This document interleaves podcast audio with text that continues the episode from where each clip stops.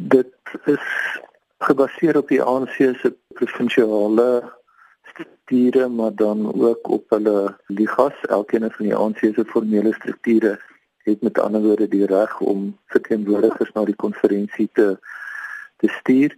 Dis nie heeltemal dieselfde as die Desember konferensie waar dit 'n afgevaardigde verteenwoordiger per tak is nie.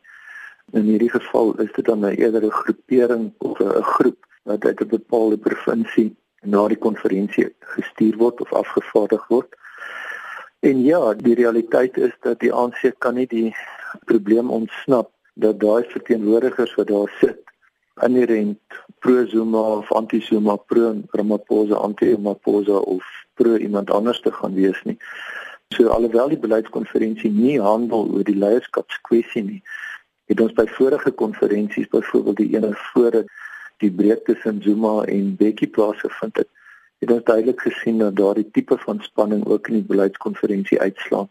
Daar is boeke oor te skryf oor hoe hulle uiteindelik bepaal wie kom by die konferensie of wie nie, want ons moet nou weet vanweë die intensiteit van die leierskapstryd in die ANC gaan hierdie beleidskonferensie eintlik 'n soort voorspel word vir wat ons in Desember sien want in 'n sekere sin het die ANC nie baie beleidsvraagstukke onderling nie. Hulle het 'n baie groter probleem met wie gaan die nuwe leierskap wees as wat hulle het met beleid as sodanig.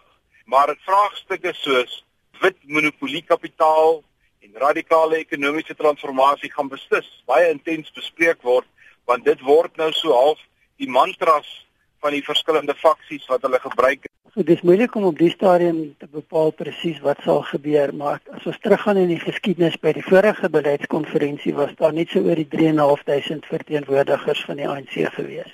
Nou dit sluit in die nasionale leierstruktuur, die nasionale werkkomitee en dan lede van takke.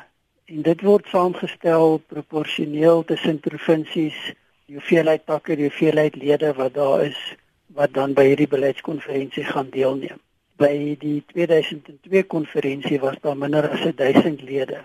So dit wys ook vir 'n mens hoe die ANC aangepas het en sy strukture herposisioneer om deel te neem en die proses oop te maak sodat soveel as moontlik van sy lede deelneem en verteenwoordig word in die deelname rondom hierdie besluite.